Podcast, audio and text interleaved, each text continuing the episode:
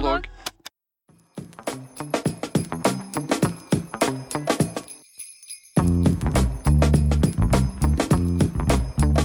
En av fordelene ved å lese bøker, eller det er jo veldig, veldig mange, men en av dem er at de kan romme så utrolig mye på en gang.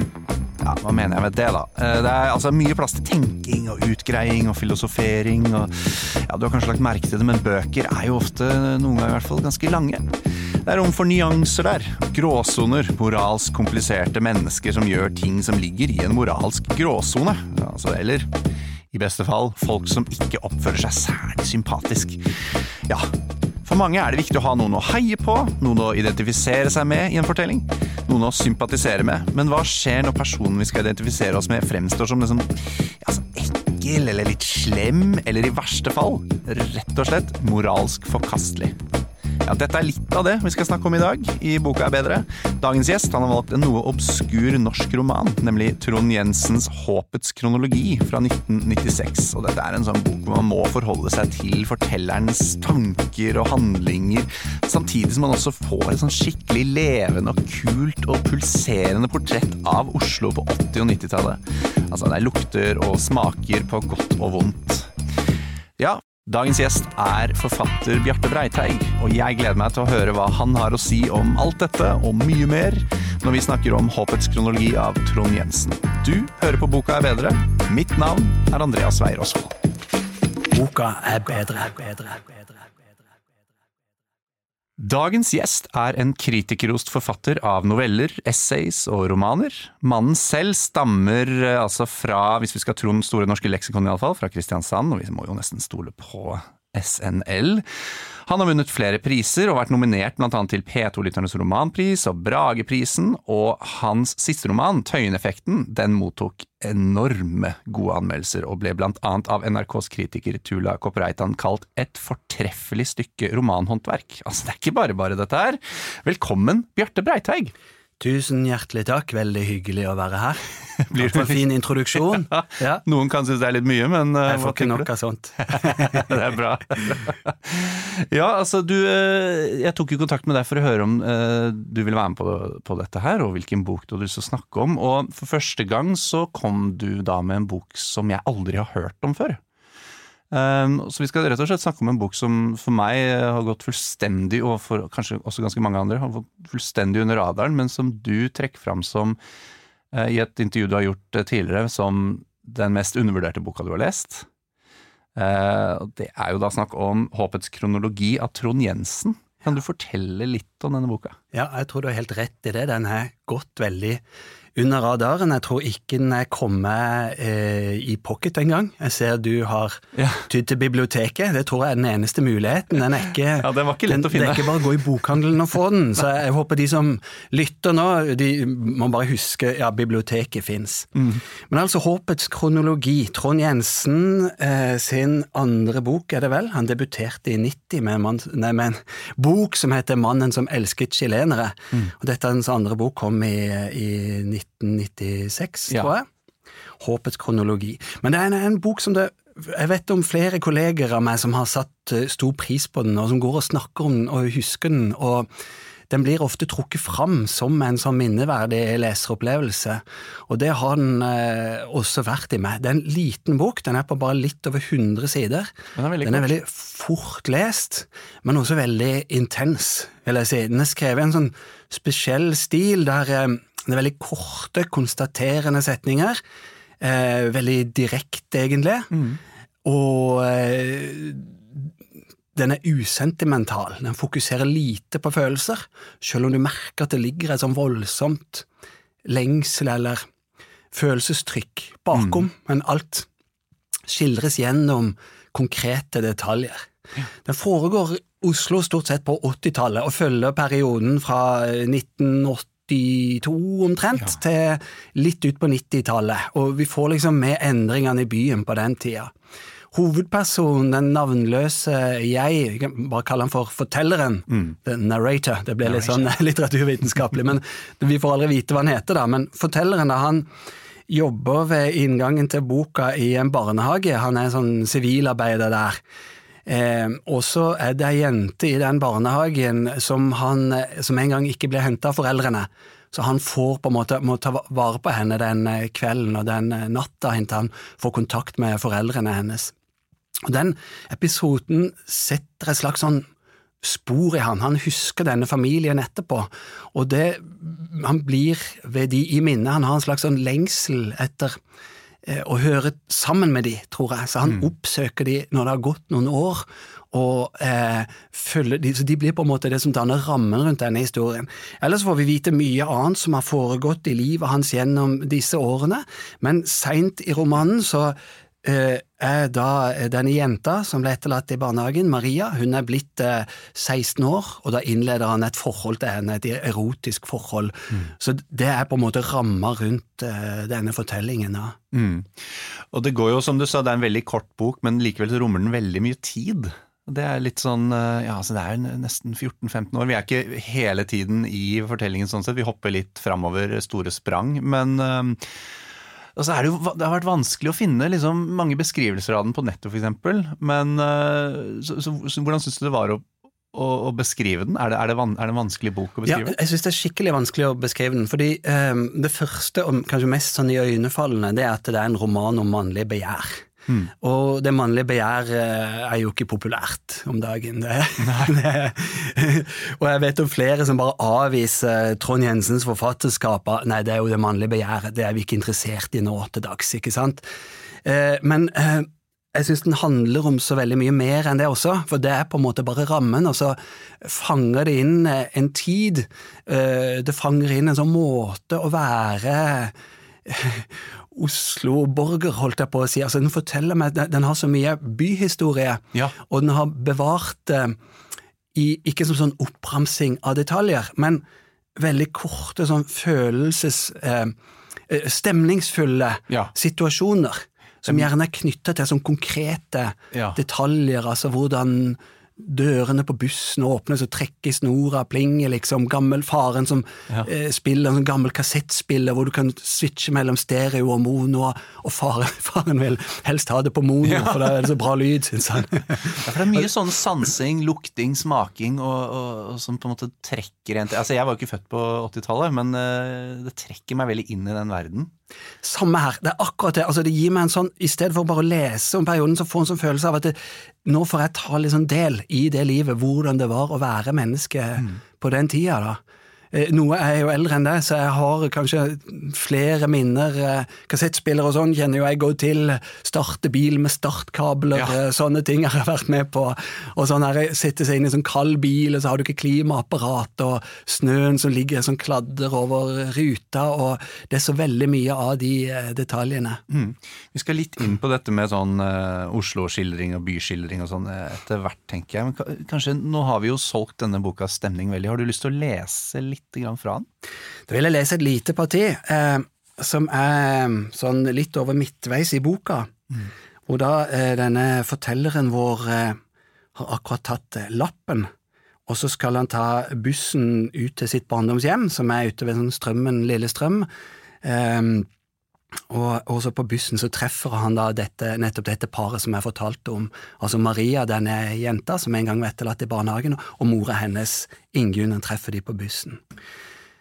På Trondheimsveien ved Linderud ved 18-tida falt snø inn i lyset fra gatelyktene som plankton i gjennomlyst vann. Jeg bodde nå i en av de fire høyblokkene i Erik Mogensøns vei. Jeg handlet stort sett på Linderud senter. Jeg gikk på en buss 333 i retning av Romerike. Kupeen var mørklagt som en nattklubb. Et par flate lamper med riflet plastdeksel lyste svakt over vinduene. Jeg gikk innover. Kladder av brun snø lå på linoleumen. Et par seter bakenfor utgangsdøra satt en mor og hennes tenåringsdatter. Jeg kjente straks igjen Ingunn. Øynene hennes så ut til å utvide seg mens jeg nærmet meg. Datteren satt ved vinduet. Det var selvfølgelig Maria. Jeg satte meg parallelt med dem, på den andre siden av midtgangen. I det dypgule halvlyset var ansiktene deres rødmussete, som om de hadde tatt seg et par glass vin eller nettopp gått på ski. Det er Ingunn og Maria, sa jeg. Marias ansikt og overkropp skjøt fram ved siden av moren. Hun kunne vel være 15 eller 16 år nå. Nesen var ganske stor. Hun hadde på seg en grå, svartspettet genser som nådde henne til ned på lårene. Ulltightsene var svarte og ribbestrikket. Knærne hennes var mer runde enn spisse. Hun hadde overhodet ikke hatt spiseforstyrrelser, kunne jeg se. Ingen sa noe til henne, og fra nå av så Maria på meg hele tida. Hun satt fryktelig urolig, som om hun klødde i baken eller noe. Men du husker ham vel ikke, sa Ingunn til henne. Jo, klart jeg gjør. Og så er liksom kontakten med de Ja, oppretta. Der er det mye detaljer som vi var inne på, som de knærne og, og dette lyset som, som, flyr inn Nei, det, det snøen som flyr inn under gatelyktene. Altså, det er veldig sånn, en veldig sånn eh, sanselig opplevelse. kan man Det er veldig vakkert. og jeg, jeg vet at det, eh, for meg, min egen skriving, så handler det også veldig mye om det der å prøve å fange en opplevelse av noe med sånne sanselige detaljer. Jeg har veldig tro på eh, den detaljen som plutselig starter en sånn film i leserens hode. Og da må det ofte noen sånne konkrete, distinkte beskrivelser til. Og det å, å, å greie å fange en sånn stemning eh, ved hjelp av det, da, det er en sånn egen kunst. Spesielt når jeg jobber med noveller, så, så er det mye skriveprosessen handler nettopp om å prøve å få tak i akkurat de rette detaljene. Hvordan er det å være på nattoget, for Ja. eksempel. Prøve å finne de der små, sanselige beskrivelsene. For det er kanskje viktigere i en novelle, for du har, du har ikke så god tid som i en roman, f.eks.? Men nettopp der så er dette en litt sånn novellistisk eh, roman. altså I, i en annen tradisjon så ville man kanskje kalt den for en langnovelle, Ja. fordi den er på en måte lest i, i, i et strekk, så å si. da. Eh, men den er en, på mange måter en litt novellistisk roman, iallfall på det stilistiske, nettopp derfor. Ja. Eh, Hvorfor akkurat denne boka her, Bjarte? Hvorfor valgte du denne? Jeg husker den eh, eh, fordi jeg husker stemninger eh, så veldig godt. De sitter ofte mye bedre enn det ideologiske innholdet i en bok. eller sånn. Altså, jeg husker ofte sånne enkeltscener. Eh, bare av å være i barndomshjemmet, møte søstera der igjen etter mange år, og, og den ensomheten som kan komme, åpne vinduer og dele barndomsminner. Eh, og sånn. Men så, så er det også det at det er en interessant bok man ikke helt blir eh, ferdig med. Og jeg sa dette her med det mannlige begjæret, og det er noe ubehagelig ved denne hovedpersonen eh, som gjør at man aldri blir helt ferdig med han psykologisk heller. Man forstår han kanskje aldri helt. Nei. Eh, for han, han gjør en del sånn ubehagelige ting, da. Ja, det kan vi gjerne gå litt inn på, ja. Fordi altså han er jo eh, Var det du som skrev det da vi snakket om det, at eh, han er ikke akkurat noen sjarmbombe? Han er jo Han gjør fryktelig mye moralsk Altså går over noen ekle moralske grenser. Eh, han eh, er jo sammen med ganske unge altså tenåringer, altså 15-16-åringer. Eh, han er ganske ekkel mot søsteren sin. Altså, hva, hva vi blir jo, som du sa, vi blir, jo, vi blir ikke klok på han. Men jeg har lyst til å snakke litt om sånn Den type Man kan kalle det for antihelt. Det er en veldig forenkling. Hva, hva tenker du om det begrepet der? Ehm, jo, jeg er enig i det. En, en forenkling. eh, men, men helt riktig, altså, han er jo ikke noen sånn helt. Det er jo en sånn Man lever jo med han, man får empati med han, man er til stede ved hans side. Det er ikke sånn at du får avsky for han, vil jeg si. Altså, Det er iallfall ingenting ved romanen som tvinger deg til å få avsky for han. Nei. Hvis du sammenligner med eksempel en sånn klassisk roman med en ond hovedperson, er American Psycho Ja. av Brett Easton Ellis, men han blir du liksom tvunget til at du får bare sånn anstøt og blir kvalm over han. Du, du er aldri på hans lag, liksom. Eh, men her er du, du er liksom Jeg, jeg, opplever iallfall meg sjøl som side om, side om side med denne fortelleren sjøl når han gjør de motbydelige tingene som han gjør. Men så er han ikke direkte ond heller. Jeg, jeg tror han er en person som mer enn noe lider av en sånn lengsel etter tilknytning og lengsel etter tilhørighet. Eh, og, og, og altså, incel er jo et sånn Ja. begrep som dukker opp her. Han er jo den der eh, Veldig tidlig incel, ja. ja, veldig tidlig incel-skildring. Altså, han er den der, det blir jo stadig kommentert det. Du, du har ikke fått deg kone og barn ennå? Nei, Ja. det har jeg ikke. Og det er et sånn vennepar som er på han hele tida. Nå må du se og treffe noen snart, liksom. Ja, ja, gjør narr av han for at han ja. alene, ja. Og dama kommer opp på hybelen for å gi henne en sånn fillerye som han kan ha på gulvet. Og, og det, han er liksom ikke helt sånn Den typen han, han Kvinnene rundt han Mm. merker at det er en slags ensomhet ved han. Når han etter, mot slutten av romanen også ble sammen med unge Maria, så sier jo også hun etter en stund at det, det er noe ensomt ved det, jeg blir mm. smitta av din ensomhet. Og, og, og den derre Å være liksom innestengt i sitt eget vesen, og så får det utløp i disse her eh, kåthetsøyeblikkene. Altså, han forteller jo gjerne om Når han gjør sånn oppsummeringer av årene som har gått, så er det gjerne de nedslagene han gjør, er der det har vært en eller annen seksuell nærhet ja. med en annen kvinne. Og det har aldri vært den der gode seksuelle samhørigheten. Nei, det er, sånn, det er lite kjærlighet. Lite kjærlighet, ja. altså. Og, og, og, ikke noe sånn han er ikke noen sånn erotiker heller som treffer jenter stadig vekk og ligger med de, liksom. Han er ikke den typen. Men de, de øyeblikkene han har, er litt sånn tilrana kåthet. ikke sant? Han mm. klådd litt på søstera. Det er en halloweenfest på studentbyen der han får sitte og ta på puppene til ei sånn litt full jente som er litt sånn utagerende, og, ja. og, og, og disse tingene husker han. Eh, det er en, en, samtale han har med en gammel venn, Solveig, og så, og så blir han så kåt av det hun sier, så han må bare gå ned på toalettet og ta seg en runk, liksom, mens de sitter på bibliotekskafeen på gamle Deichmanske. Så, så han, han, har liksom masse av disse her eh, denne lengselen ja. det, Og dette er jo det der hvordan det mannlige begjæret får en litt sånn lei form, ja. når det ikke får noe, noe, noe sånn fast mønster å, å befinne seg i. Ja. Og så passer han liksom ikke inn, for han, han er jo også uh, Han er veldig glad i klassisk musikk, får vi vite, og, og snakker veldig ned denne rocken. Ja. Han, han, vil liksom ikke Han får ikke til å passe inn i, i, kulturen sin heller, liksom. Nei, sant det. Han er en utskudd uansett hvor han kommer, da. Ja. Men altså, Vi har jo eksempler på dette. Du nevnte jo Patrick Bateman i American Psycho. Man kan trekke fram Humbert Humbert i Lolita som et uh, absolutt litterært uh, hva skal man si, utskudd som man blir på en måte tvunget med å være på reisen på. Ja. Uh, har, har, du noen andre liksom, eksempler på, på denne litt sånn usympatiske hovedpersonen i, i andre bøker? Ja, jeg synes jo, Når jeg tenker etter på det, så, så går det jo opp for meg at eksempel da jeg leste Prost på sporet av den tapte tid, som jeg gjorde i et strekk på sikkert ti år, er jo en, en av verdens største romaner. Ja. Men der er jo også altså der er jo, ikke sant, Den er så følsomt skrevet. Men det går jo opp for meg der at den personen der ville jeg jo ikke likt i virkeligheten. En forferdelig snobb og selvopptatt, selvmedlidende fyr som innelukka i sin egen verden av overflod og eh, hedonisme, ikke sant? Men det er så følsomt skrevet at det, det, er intenst. Jeg er besatt av det mens jeg leser det. Mm. og, og Nyligere så leste jeg for eksempel eh, Cora Sandels Alberte-trilogi. Mm. Og den jenta der er også eh, altså Alberte er veldig sånn følsomt beskrevet, men også hun tenker men jeg blir jo glad i henne, jeg elsker henne mens jeg leser bøkene, men jeg tenker, ville jeg likt denne jenta i virkeligheten? Så jeg er ikke så sikker på det. Litt sytete, litt negativ, også selvopptatt, syns synd på seg sjøl. Men det dette magiske litteraturen gjør, da. Ja. Mer moderne eksempler. Trude Marstein syns også er veldig flink til å Eller flink Altså, hun Hennes litteratur består jo gjerne av mennesker som har eh, Legen Ove, som er notorisk utro, for eksempel, mm. men som er skrevet om så følsomt at man, man er sammen med han hele tiden, da. Mm.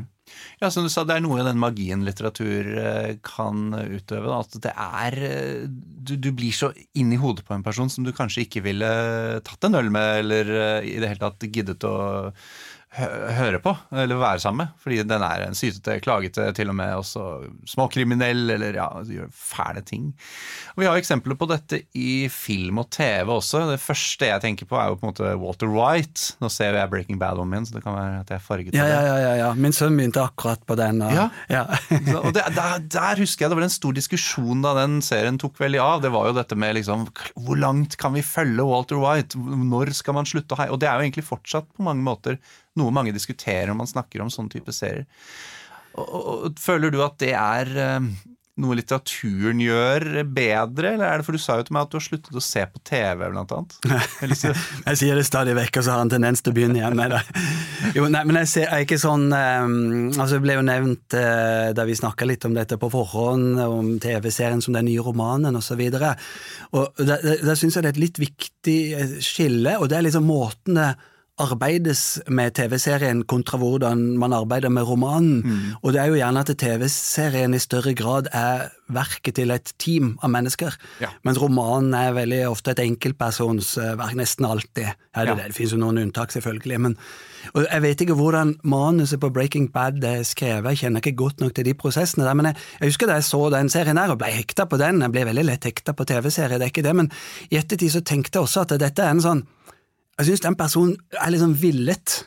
Den er Ja. litt sånn jeg kan liksom bare ane at her sitter det sånn team uh, som skal være kreative, Mm. uh, tenke litt ut av boksen. Jo, en kreftsyk fyr som begynner å produsere crystal meth og, Ja. og selge det, ikke sant. At nyansene ikke er helt Nei, der. det oppleves ikke helt sånn nødvendig, føler jeg. Og så er det jo også, ettersom sesongene går, så merker du jo hvordan ting er funnet på bare for å kunne skape en forlengelse av Ja. dette universet, da. Mens når man jobber med en roman, så er man litt mer overlatt til å bruke seg sjøl, da, på godt og vondt. Og skrevet ting fram som om det er noe jeg kunne opplevd, da. Mm. Og der um, blir det ofte en mer sånn intim måte å dele ting på, Ja. syns jeg. Altså, du, jeg, jeg, får, jeg syns, føler ofte at litteraturen kan bringe meg enda dypere ned i det menneskelige enn eh, enn jeg ofte ser i TV-serier. da. Ja, det kan jeg absolutt være enig i. Så finnes det gode filmer som har gjort dette. Jeg tenkte Ja, ja. litt på Taxi Driver, Ja, for eksempel. Det er en film som dukker opp i tankene når jeg leser dette. Mm. Ja. Ja, for det er, du har absolutt gode eksempler på uh, film og TV hvor man liksom uh, føler at dette er en, uh, en moralsk komplisert person, eller en person du på en måte har litt blanda følelser over å heie på. Um, men er det med din egen litteratur, føler du at, har du opplevd at fått tilbakemeldinger på sånn Ah, nei, eh, jeg, klar, jeg likte ikke hovedpersonen, eller jeg, jeg syns hoved, hovedpersonen var fæl, så jeg trekker den i poeng på en måte for det, liksom. Er, har det skjedd med, med deg? Ja, det er det helt klart. Etter um, den romanen jeg s- ga ut i 2014 som heter Mine fem år som far, Ja. den møtte en del sånne reaksjoner. Og Den handler jo om en person som blir eh, tatt og dømt for et seksuelt overgrep mot eh, mindreårige dattera til ekskjæresten sin. Mm. Eh, der opplevde jeg også nettopp dette her at jeg, jeg, jeg skriver ut hans historie som om den kunne vært min. Mm.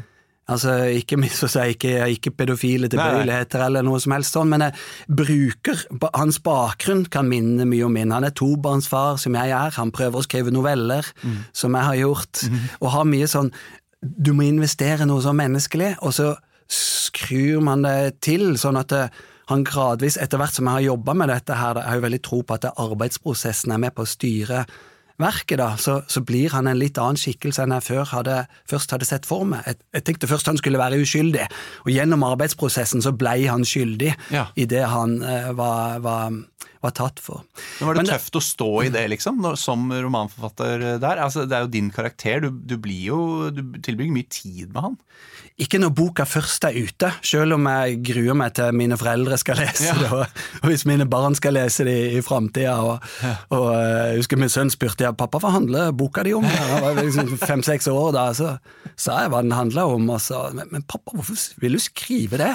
Så sa jeg, nei, ja, det ble liksom svar skyldig. Jeg, jeg ville jo egentlig ikke skrive det, det var noe annet jeg ville skrive. Altså, men så ble jeg liksom tatt av prosessen, fanga meg, og episoder jeg hadde skrevet som jeg syntes var intense, og så hengte jeg meg på de, og sånn ble romanen til. Det er tøft å stå i den skriveprosessen, men når boka er ute, så syns jeg ikke det er noe tøft å stå i det, og da tåler jeg fint å høre at eh, nei, den boka den orker jeg ikke lese, den måtte jeg bare legge fra meg. Det var det flere som sa til meg, og nei, full forståelse, det, det skjønner jo, jeg godt. Den fikk jo også gode kritikker, da, må vi jo også nevne. Eh, så det var jo noen som så prosjektet eh, som du hadde jobbet det fram også.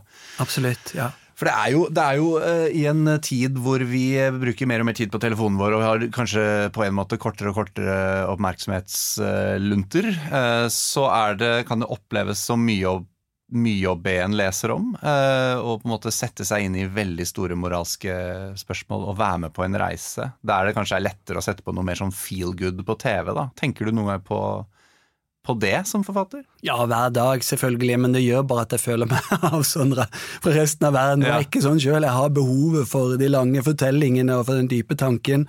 Sjøl, da. Men eh, selvfølgelig, alle kjenner jo fristelsene. Alle vet jo hvordan det er å ha sittet og lest, og så plutselig så er du på Facebook eh, Mm. uten å merke overgangen, liksom, for telefonen bare ligger der. Og det er jo skremmende, og der må man jo bare ha eh, selvrespekt nok til å gjøre noen grep med livet sitt. Altså Når du tar fram boka, så legg nå vekk den lille helvetesmaskinen. Ja, ja, ikke sant? ja.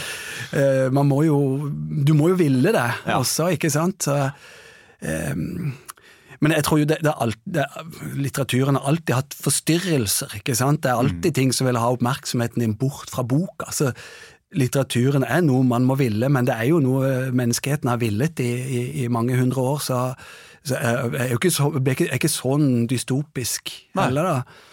Så det er ikke sånn som eh, går og roper, klinger en bjelle på Tøyen torg og sier 'romanen er død, romanen er død'. Nei, eh, tvert imot. Altså, jeg står der og snakker, snakker om romaner. Og det er jo også sånn, eh, bare sånn anledning til å Jeg er veldig glad for podkaster som denne, da, som vil trekke fram boka, og, og da syns jeg jo det er ekstra moro å kunne hente fram det jeg mener er en sånn gl skatt som ellers lett kunne ha gått eh, glemt, da. Ja. Eh, eh, eller som, ja, Den finnes jo ikke så mye i offentlighetens hukommelse, denne eh, romanen til Trond Jensen her. Nei, eh, men det er jo det med litteraturen også, at den kan ligge der og gjære over lang tid, og så, og så, for den har en slags sånn langtidshukommelse. da. Ja. Vi er jo heldige i Norge som har bibliotekene og dette til å ta, ta vare på ting.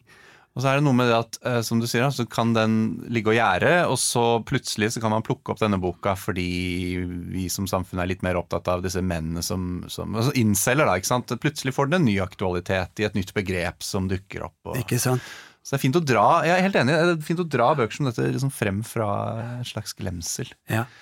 Og så er det et annet aspekt om denne boka, Bjarte, som, som du påpekte, eh, og som da jeg leste den, ble veldig grepet av det selv, og det er dette Oslo-portrettet.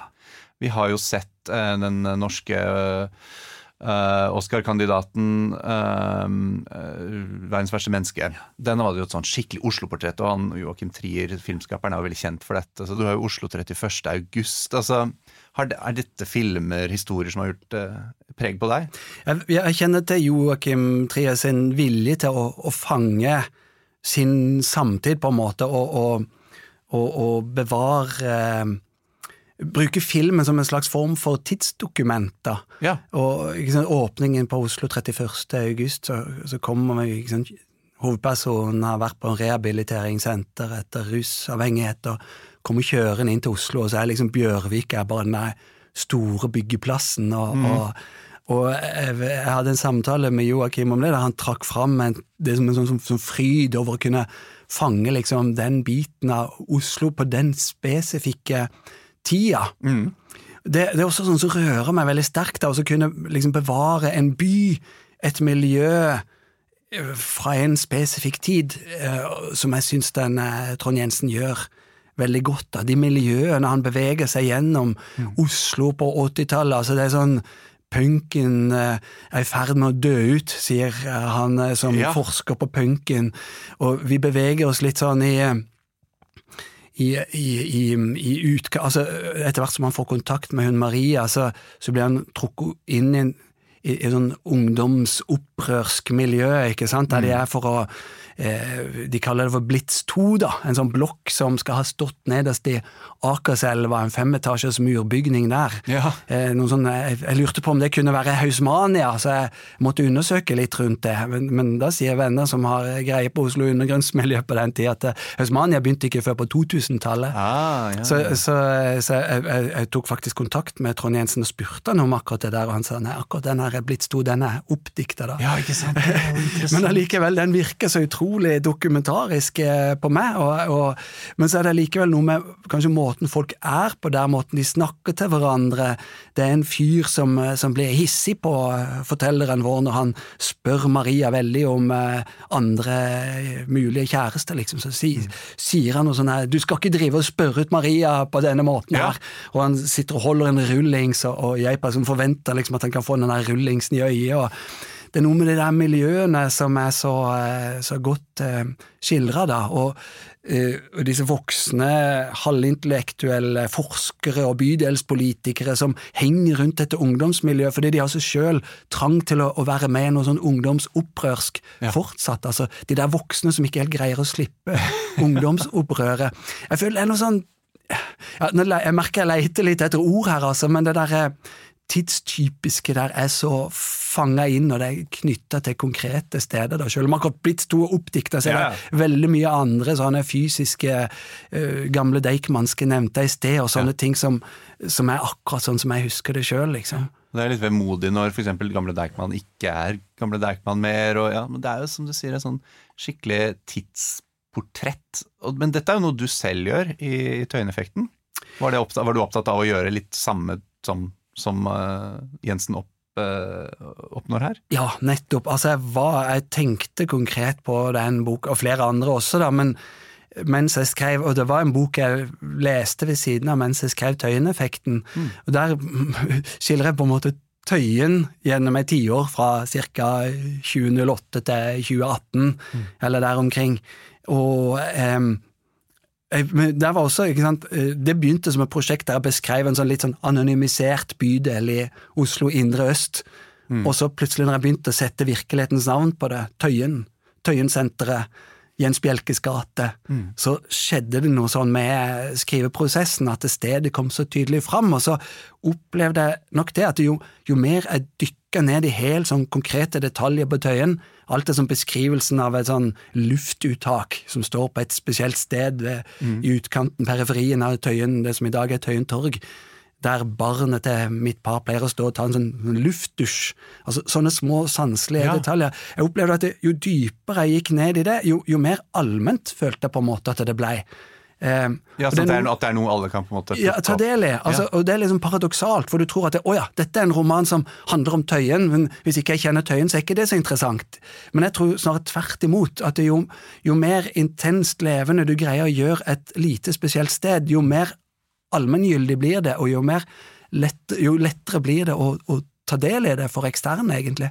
Men når du skriver om Tøyen som eh, du selv eh, bor på, eh, henter du også noe av din egen liksom, For du er jo fra Kristiansand. Eh, du, er det noe Kristiansand der inne også, eller er det på en måte Ja, det har en sånn eh, Det paret jeg skriver om i Tøyeneffekten, som er sånn idealistisk par, de ønsker å være med og endre Tøyen. Det er jo en erfaring jeg sjøl har. Jeg har vært del av det engasjementet som har foregått på Tøyen i, eh, i det siste tiåret eller så, og, og opplevd å, få være med og forme det og ta del i sånn brobyggende fellesskap. Hovedpersonen der har tilsvarende bakgrunn, men jeg har gjort det sånn at jeg, fortelleren, er kvinna i parforholdet. Eh, nettopp for å ha litt distanse til meg sjøl også. Ja. Og så har de litt sånn annen bakgrunn, men, men han er jo sånn de, de går rundt med skarrærene sine og, og, og syns at det gir de en sånn ufrivillig troskyldighet. Og noen sånne ting man kan bruke av seg sjøl. Altså.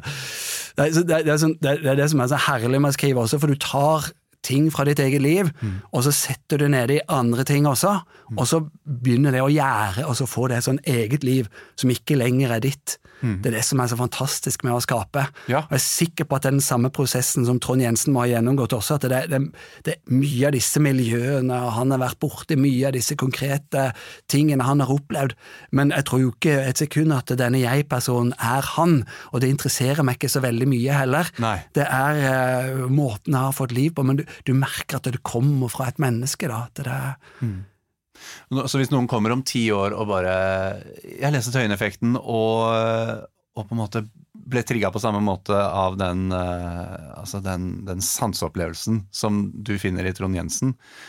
Er, altså, er det det ultimate komplimentet, eller er det ja, det er ultimate kompliment, tror jeg. Det hadde liksom vært de sier 'Å, det var akkurat sånn det var på Tøyen Ja. mellom 2009 Ja, og ikke 2000'. sant? Ja, mm. Så det er litt interessant. Jeg lurer også på, Bjarte, om dette her er typisk for det du leser? Denne boka her? Vet du hva, jeg er veldig, veldig altlesende, så eh, eh, Men det jeg kan si, er at den har jo visse ting til felles med noen av de forfatterne som, er, som har satt seg dypest hos meg, som eh, Kjell Askildsen med sine noveller, eller en, en mindre kjent forfatter som Henrik Nord-Hansen, som har skrevet sine små, tynne bøker, men som også har litt av dette her eh, på en måte det, det litt sånn ubehagelige og det småperverse som ulmer under en sånn streit overflate. Eller filmskaperen David Lynch Ja. kan minne litt om eh, stemningen i noen av hans filmer også, syns jeg. Selv om ikke de har det der absurde overnaturlige. Eller eh, Eh, ja, det er de jeg kommer på. Hva leser du akkurat nå, for eksempel? Eller, eller, eller hva, det siste du leste som du Ja, akkurat nå leser jeg Doris Lessing, Den gylne notatbok, det er noe helt annet. sånn jeg faktisk lest, Den foregår i, i, i daværende Zimbabwe. Ja, det er noe helt annet, ja. Eh, Rhodesia, gamle Rhodesia heter det. Og, og, og før det leste jeg en annen zimbabwisk forfatter, Tsitsi Dangaremga, Ja. som skrev om sin oppvekst i en by i Zimbabwe en gang på slutten av eh, Slutten av 50-tallet, er det vel? Så hopper du liksom, altså er det, er det en direkte at du leser Lessing, er det da en konsekvens av den du leste først? på en måte? Er det sånn 'Å, jeg må lese mer som dreier seg om uh, Ja, nå skulle du tro det at jeg hadde sånn Zimbabwe-oppheng. Nei, det er helt Fase. tilfeldig. Nei, Jeg er så heldig å være med i en lesegruppe. Vi er fire personer som Ja. alle jobber med litteratur. På, eller vil si tre av oss er forfatter og en oversetter. Og vi, les, vi savner et sånn litterært fellesskap, da, så vi starta en lesegruppe, oss fire. Og så er vi litt ekstreme, så vi, har, vi leser liksom fire romaner i måneden, da. Ja, Og ja, så ja. øh, møtes vi, og så har vi ansvar for å legge fram eh, hver sin en av de. Eh, Det, man, man bruker anledning til å anbefale en sånn type fellesskap til lytteren her. Det er en utrolig fin ting å gjøre. Det- Og da blir du tatt litt sånn i nakken. Oi, nå er det bare en uke igjen til vi skal treffes, og jeg har halvannen bok igjen å lese. Da må jeg sette av en dag til det. Da må jeg droppe å se den TV-serien. Så dere sitter så det er en gang i måneden, og da går dere gjennom alle fire? Det er ikke, Alle dere treffes ikke en gang i uka med Nei. Nei, ikke sant. Er, det, er det vanskelig å opprettholde? Får det til? Eh, Foreløpig har det bare vært sånn voldsomt begeistringskick, da. Ja. Men jeg merker jo at det er, det er masse ting som jeg bør lese i forhold til det jeg skriver. Ting jeg bør lese meg opp på som ikke jeg kan belemre de andre helt med, og da må jo det vente litt, da. Ja. Altså, du må jo, eh, vi må jo finne noe som alle fire har lyst til å lese hele tida. Ja. Så det spørs nok om kanskje jeg må skape et sånt rom for å bare lese de tingene som bare jeg vil lese også etter hvert, da, men eh, men, det, men det er noe med, når du snakker om en bok, når du får ansvar for å innlede til den, så gjør det også noe med minnet. Du husker den bedre. Eh, og du må, du må tenke rundt den på en litt annen Du er nødt til å formulere noen setninger. Og det gjør at du, er, du må ta inntrykkene dine et hakk videre fra bare å la virke i deg. Du må, du må også møte de litt, prøve å forstå de, fange de i ord. Det gjør noe Det fullfører på en måte leseprosessen da. Ja, ja det, det er jo veldig sant. Og det er vel, eh, som du sier, da, det kan jo ikke annet enn å anbefale lesesirkler, bokklubber, hvis man eh, Nei, Det er en kjempefin ting å holde på med, altså. Hvis du har folk i din, eh, i din omgangskrets, eh, så er det noe vi kan anbefale begge to, er det ikke? Anbefales. Ja. Um, ok, så jeg tipper at du som forfatter, Bjarte, du får jo sikkert spørsmål om sånn anbefalinger, bokanbefalinger fra folk, men hvem, hva slags person er det du ville anbefalt Trond Jensens Håpets kronologi til? Ja ehm, Egentlig alle. Ja.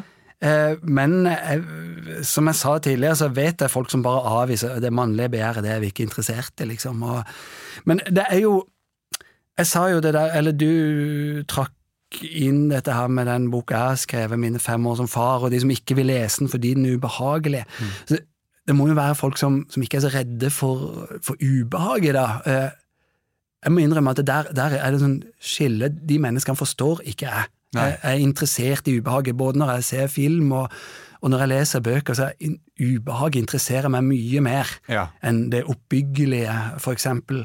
For det forstår jeg så godt fra før. på en måte. Hvis noe virker oppbyggelig på meg, så vet jeg nøyaktig hvorfor det er oppbyggelig, men det ubehagelige det kan fortelle meg noe om meg sjøl som ikke jeg visste. Så, så, så, så det må være den typen eh, lesere da, som, som ikke er redd for å ta inn over seg et litt sånn ubehag. ja. Men, det er der, det er ikke, Han er ikke en kvalm fyr, liksom, men, men det er bare Nei. litt sånn Du kommer litt nær en litt ubehagelig type, da. ja, det er et eller annet som ikke helt eh, er Han kjører på en hund på et tidspunkt, Ja. og, og, og han eh, Når han har, vært oppe og rota med og unge jenter, så er de liksom nede og drikker kakao med mora, ja. som eh, om ikke akkurat velsigner forholdet deres, så er jo ikke protesterer heller ikke. Nei. Nei. Hun gir de kakao, og de sitter der og, og, og drikker kakao med mora. Så har han lånt noen sånne raggsokker. Ja. Når du skal gå opp trappa, så søler han kakao i trappa. Og, og, så tørker han det bare opp med den raggsokken han har lånt. så det er små, liksom, ekle ting han gjør. Det er litt, litt ube, ubekvem. Han, når han er alene hjemme i barndomshjemmet sitt den ene natta, så tenner han på sin egen fis.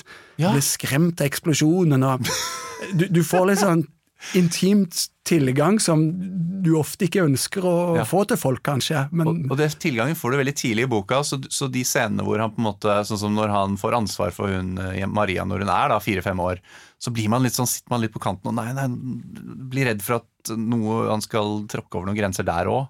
Helt enig, det er noe sånn, in, sånn ubehagelig ja. intimt der. Selv om det ikke er noe Han gjør ingenting galt der. Nei. Men jeg tror det også er en veldig sånn grense som egentlig den ligger i alle menn. Det der, mm. Hvis et barn begynner å trå deg i skrittet når du holder det på fanget, eller noe, mm. det er en sånn ubehag. Oh, den grensa må man opprettholde.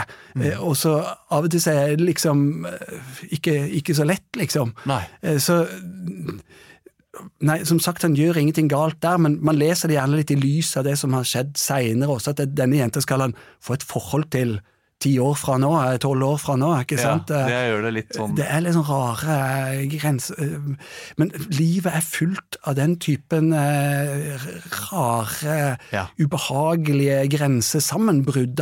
Og det syns jeg han fanger veldig godt.